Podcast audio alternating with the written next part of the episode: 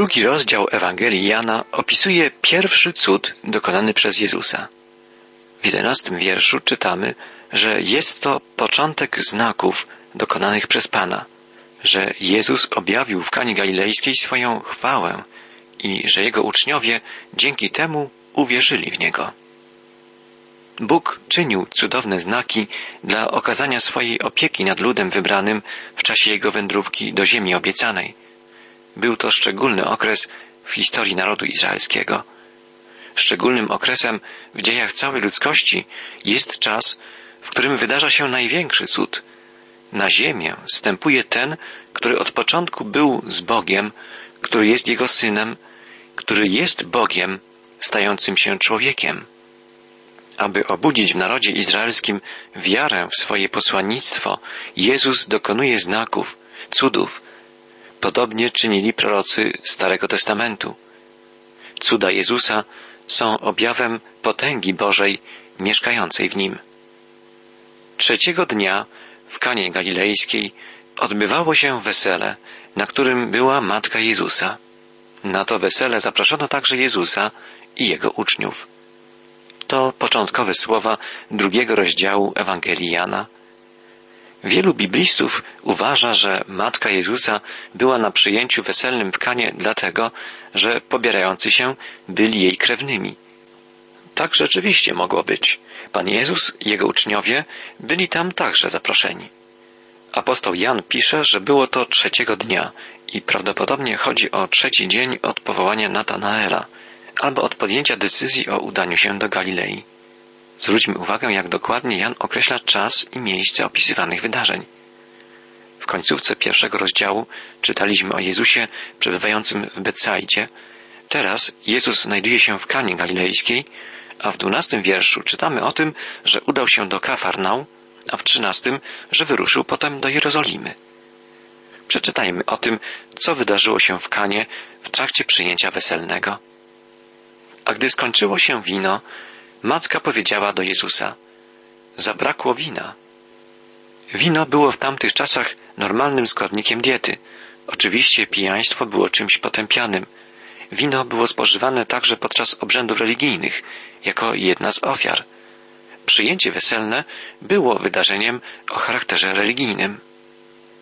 Wesele w Kanie jest obrazem innego przyjęcia weselnego, które dopiero będzie miało miejsce wszyscy wierzący wezmą udział w przyjęciu nazwanym w Biblii ucztą baranka. Kościół będzie tam przedstawiony Chrystusowi jako panna młoda. Jezus rozpoczął swoją służbę od wesela i zakończy ją weselem. Jezus dokonał w Kanie swego pierwszego cudu. Pierwszym cudem Mojżesza było zamienienie wody w krew. Pierwszym cudem Jezusa zamienienie wody w wino. Prawo zostało nam przekazane przez Mojżesza, ale łaskę i prawdę poznajemy dzięki Jezusowi. Jakże to wielki kontrast.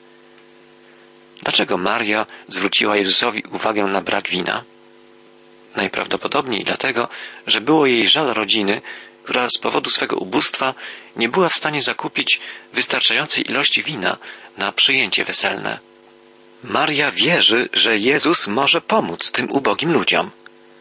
Jezus odpowiedział, nie musisz mi mówić, matko, co mam czynić. Jeszcze nie nadszedł mój czas. Odpowiedź Jezusa jest jasna. Jeszcze nie czas na dokonywanie cudów. Jezus wie, że Jego imię będzie uwielbione, ale nastąpi to w porze zgodnej z planem Ojca. Ale Jego matka poleciła służbie. Zróbcie, co wam każe. Matka Jezusa wie, że jej syn ma serce pełne miłości i że troszczy się szczególnie o ubogich, o potrzebujących pomocy. Zwróćmy uwagę na jej słowa. Mówi, zróbcie wszystko, cokolwiek wam powie. Jest to bardzo dobra rada. Każdy kaznodzieja powinien wskazywać na Jezusa i mówić swym słuchaczom, zróbcie wszystko, cokolwiek powie wam Jezus. W domu weselnym było sześć stągwi kamiennych, czytamy dalej, przeznaczonych do żydowskich obmywań obrzędowych. Każda z nich mieściła w sobie od 80 do 120 litrów. Jezus powiedział usługującym, napełnijcie stągwie wodą. I napełnili je po brzegi. Potem im rzekł, teraz zaczerpnijcie ze stągwi i zanieście staroście weselnemu. I zanieśli. Starosta weselny nie wiedział skąd pochodziło wino. Usługujący natomiast wiedzieli, że zaczerpnęli wody. Gdy spróbował tej wody, która przemieniła się w wino, wezwał pana młodego i powiedział: Każdy człowiek podaje najpierw dobre wino, a gorsze, gdy goście weselni już sobie podpiją. Ty zachowałeś dobre wino aż dotąd. Jezus zamienił wodę w wino i było to wino wybornej jakości. Znany pisarz i apologeta chrześcijaństwa C.S. Lewis, pisząc o cudach Jezusa, zauważył, że często są one jak gdyby tylko przyspieszeniem procesów, które przebiegają normalnie w dłuższym okresie czasu. Wino tłoczy się z winogron. Winogrona dojrzewają na krzewach winnych. Krzewy te potrzebują dużej ilości ciepła i wody, których dostarczają im promienie słoneczne i deszcze. Pan Jezus, jako Stwórca, przyspieszył ten proces i zamienił wodę w wino. To, że Jezus posiadał w trakcie swej ziemskiej misji władzę nad siłami natury, zobaczymy także czytając o dalszych cudach, których dokonał. Na przykład rozmnożył chleb, uciszył wzburzone jezioro, sprawił też, że w sieć rybaków wpadło mnóstwo ryb. Cud przemienienia wody w wino może być dla nas alegorycznym obrazem ilustrującym ważną prawdę rzeczywistości duchowej. Jesteśmy jak puste stągwie. Bóg pragnie nas wypełnić wodą swego słowa. Gdy pozwolimy na to, wyznając, że jesteśmy pustymi i że pragniemy karmić się Jego słowem, On nie tylko wypełni nas, ale sprawi, że staniemy się naczyniami, z których inni będą czerpać siły, będą czerpać pociechę i miłość. Gdy zaczniemy dzielić się Bożym Słowem z bliźnimi, Duch Święty będzie rozlewać ożywcze słowo prawdy w sercach ludzi, przemieniając ich życie. Apostoł Paweł, jeden z największych misjonarzy i kaznodziei wszechczasów, napisał, że jesteśmy jak puste gliniane naczynia, ale gdy swoim słowem napełni nas Bóg, stajemy się, jak mówi Jezus, źródłami wody żywej, wytryskującej na zewnątrz ku zbawieniu innych. W dwunastym wierszu drugiego rozdziału Ewangelii Jana czytamy dalej. Po tym wydarzeniu poszedł Jezus ze swoją matką, braćmi i uczniami do Kafarnaum, gdzie przebywał kilka dni. W czasie swojej trzyletniej działalności Jezus często wracał do Kafarnaum. Po tym, jak odrzucili go mieszkańcy Nazaret, jego rodzinnej miejscowości, Jezus przeniósł, jakbyśmy powiedzieli dzisiaj, swoją kwaterę główną działalności misyjnej do Kafarną. Tym razem przebywał tam przez kilka dni, wspólnie ze swoją rodziną i uczniami. Potem Jezus rusza w kierunku Jerozolimy. Czytamy od trzynastego wiersza. Tuż przed żydowskim świętem Paschy udał się Jezus do Jerozolimy. Zwróćmy uwagę na to, że apostoł Jan nie nazywa święta Paschy Paschą Pana, tak jak czynił to Mojżesz, jak czytamy na przykład w Księdze Wyjścia, ale używa określenia Pascha żydowska. Jan wie, że ten, którego zapowiadała Pascha, już przyszedł. Pan jest pośród swego ludu. Święto Paschy stało się tylko żydowskim świętem. Zapowiedź Paschy bowiem spełniła się. Chrystus został złożony w ofierze jako nasza Pascha, pisze w pierwszym liście do Koryntian apostoł Paweł. Nasz Pan udaje się do Jerozolimy. Z lektury Księgi Kapłańskiej wiemy, że każdy Izraelita zobowiązany był do pielgrzymowania do Jerozolimy co najmniej trzy razy w roku. W święto Paschy, w święto Pięćdziesiątnicy i w święto Namiotów. Święto Paschy przypada na połowę kwietnia według naszego kalendarza. Jezus wypędza ze świątyni przekupniów. Uczynił to dwukrotnie, na początku swej ziemskiej służby i na końcu. Czytamy w wierszu czternastym. Na dziedzińcu świątyni zastał handlarzy sprzedających woły, owce i gołębie, a także tych, którzy zajmowali się wymianą pieniędzy. Możemy zapytać, co robią ci ludzie w świątyni? Co robią tu bankierzy? Wymieniają pieniądze. W świątyni wszelkie transakcje rozliczano w walucie świątynnej. Nie przyjmowano żadnych innych pieniędzy. Trzeba je było zamieniać na monety świątynne. Oczywiście bankierzy mieli z tego zysk. To jak dzisiaj pracownicy kantorów. Zarabiali też sprzedawcy zwierząt i gołąbków. Cały ten proceder był dorabianiem się na religii. Możemy tylko powiedzieć, skąd my to znamy. Możemy też wyobrazić sobie, jaki tumult panował w świątyni, gdzie sprzedawano woły, barany, gołębie i gdy targowano się przy wymianie pieniędzy. Dalej czytamy. Wtedy Jezus splótł bicz z powrozów i przepędził z dziedzińca świątyni wszystkich sprzedających, woły i owce, poprzewracał stoły i rozsypał pieniądze tych, którzy je wymieniali. Sprzedawcom gołębi rozkazał, wynoście się z tym wszystkim. Nie róbcie targowiska z domu mojego ojca. Uczniowie przypomnieli sobie później, co mówi pismo. Gorliwość o dom twój spala mnie. Pan Jezus rozgniewał się. To nie ulega wątpliwości. Czasem artyści przedstawiają na obrazach Jezusa zniewieściałego, słabego.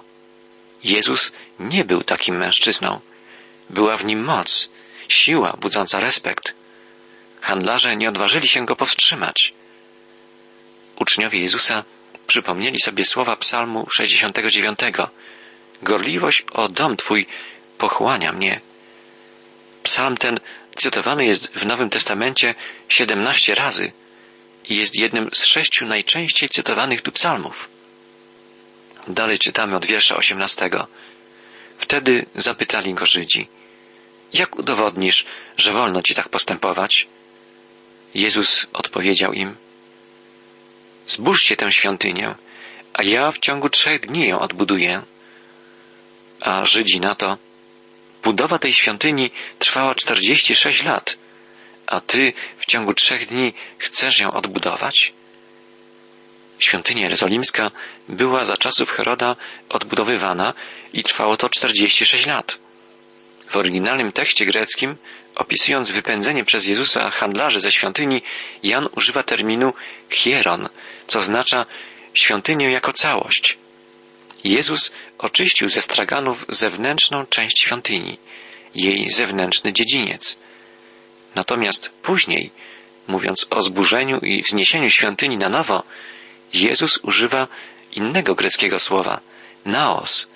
Słowo to określa wewnętrzną część świątyni, miejsce święte. To samo słowo użył apostoł Paweł, pisząc w liście do Koryntian o tym, że dzisiaj ciało wierzących jest jak gdyby naos, świątynią, świątynią Ducha Świętego. Żydzi pytali Jezusa, czy rzeczywiście jest zdolny do zburzenia i odbudowania świątyni w trzy dni ale Jezus miał oczywiście na myśli świątynię swego ciała. Czytamy o tym dalej. Dwudziesty pierwszy wiersz. Jezus miał jednak na myśli świątynię swego ciała. Tak, Jezus mówiąc o wzniesieniu świątyni na nowo użył słowa egeiro, które w Grece oznacza powstanie. W Ewangelii Jana słowo to występuje pięć razy i zawsze odnosi się do powstania ze śmierci. Apostoł Paweł, przemawiając w Antiochii Pizydyjskiej, czterokrotnie użył słowa egeiro, mówiąc o zmartwychwstaniu Jezusa. Nie ma więc żadnych wątpliwości, że Jezus miał na myśli swoje zmartwychwstanie, gdy mówił o odbudowie świątyni w trzy dni po jej zburzeniu. Chrystus powstał z martwych w trzecim dniu po swojej śmierci. Uczniowie Jezusa nie rozumieli w tej chwili Jego słów i przypomnieli sobie je dopiero po jego zmartwychwstaniu. Przeczytajmy dwudziesty drugi wiersz. Po jego zmartwychwstaniu uczniowie przypomnieli sobie, że im o tym mówił. Wtedy uwierzyli Pismu Świętemu i temu, co on powiedział. Dalej w dwudziestym trzecim wierszu drugiego rozdziału Ewangelii Jana apostoł przypomina nam, że wszystkie wydarzenia, które relacjonuje, dzieją się w Jerozolimie w czasie Paschy. Jezus pozostał jeszcze w Jerozolimie na święto Paschy i wielu uwierzyło w Niego, widząc cuda, których dokonywał. Wielu ludzi uwierzyło, jak czytamy w Jezusa, widząc cuda, znaki, które czynił. Moglibyśmy wykrzyknąć wspaniale, tak wielu wierzących. Jezus będzie miał armię uczniów. A jednak czytamy w następnych wierszach słowa zadziwiające. On jednak nie ujawniał przed nimi swych zamysłów, bo przejrzał wszystkich i nie potrzebował, żeby ktoś mu mówił, co jest w człowieku. Sam wiedział, co się kryje w sercu ludzkim. Ludzie, widząc cuda, które czynił Jezus, byli pod wielkim wrażeniem, byli zachwyceni. Ale Jezus zna ich serca, widzi ich wnętrze, widzi ich duszę. Jezus wie, że tylko nieliczni naprawdę pójdą za Nim. Wie, że bardzo nieliczni zrozumieją i przyjmą Jego naukę i że w sercach tych bardzo nielicznych zrodzi się prawdziwa, zbawienna wiara. Musimy dzisiaj postawić sobie pytanie, co to znaczy wierzyć w Jezusa? Jaka wiara jest wiarą dającą zbawienie? Nie jest to z pewnością wiara w to, że Jezus istnieje. Ludzie patrzący na Jezusa nie mieli co do tego wątpliwości. Oni widzieli Jezusa i byli uczestnikami cudów, których dokonywał. Pamiętamy też z lektury Ewangelii Łukasza, że gdy Jezus wypędzał z opętanych demony, krzyczały one, co mamy z Tobą, Synu Najwyższego? Zbawienna wiara to więc nie wiara w to, że Jezus jest Synem Boga i że istnieje. Nawet nie jest to uznanie, że On jest Synem Boga i że fakty podawane w Ewangelii są prawdziwe. Jest to coś więcej. Jest to wiara pociągająca za sobą przemianę serca. Wiara rodząca powierzenie Jezusowi swojego życia, zaufanie Mu jako Zbawicielowi. Wiara taka to przyjęcie prawdy, że Jezus zmarł z powodu mojego grzechu, że wstał z martwych dla mojego ratunku, po to, żebym ja mógł żyć. I Ty również, drogi słuchaczu. Czy zastanawiałeś się nad tym? Pan Jezus wiedział, że otaczający go tłum jest zainteresowany, jest poruszony, ale znał serca tych ludzi i wiedział, że w ogromnej większości ludzie ci są tylko pobudzeni emocjonalnie, że niestety nie będą chcieli zmienić sposobu, w jaki żyją, że nie będą chcieli porzucić swych złych przyzwyczajeń, że nie będą gotowi, by poddać się przemianie, jakiej trzeba się poddać, gdy chce się żyć z Bogiem naprawdę. Jesteśmy grzesznikami i potrzebujemy odrodzenia, odnowy, oczyszczenia. W przeciwnym razie nie możemy liczyć na to, że Bóg przyjmie nas do swego królestwa. Jezus wytłumaczył to człowiekowi, który naprawdę pragnął przemiany. Dosyć miał życia w niepewności. Mimo, że był bardzo religijny, nie był pewien, czy jego życie podoba się Bogu i nie był pewien swego zbawienia. Przyszedł do Jezusa nocą.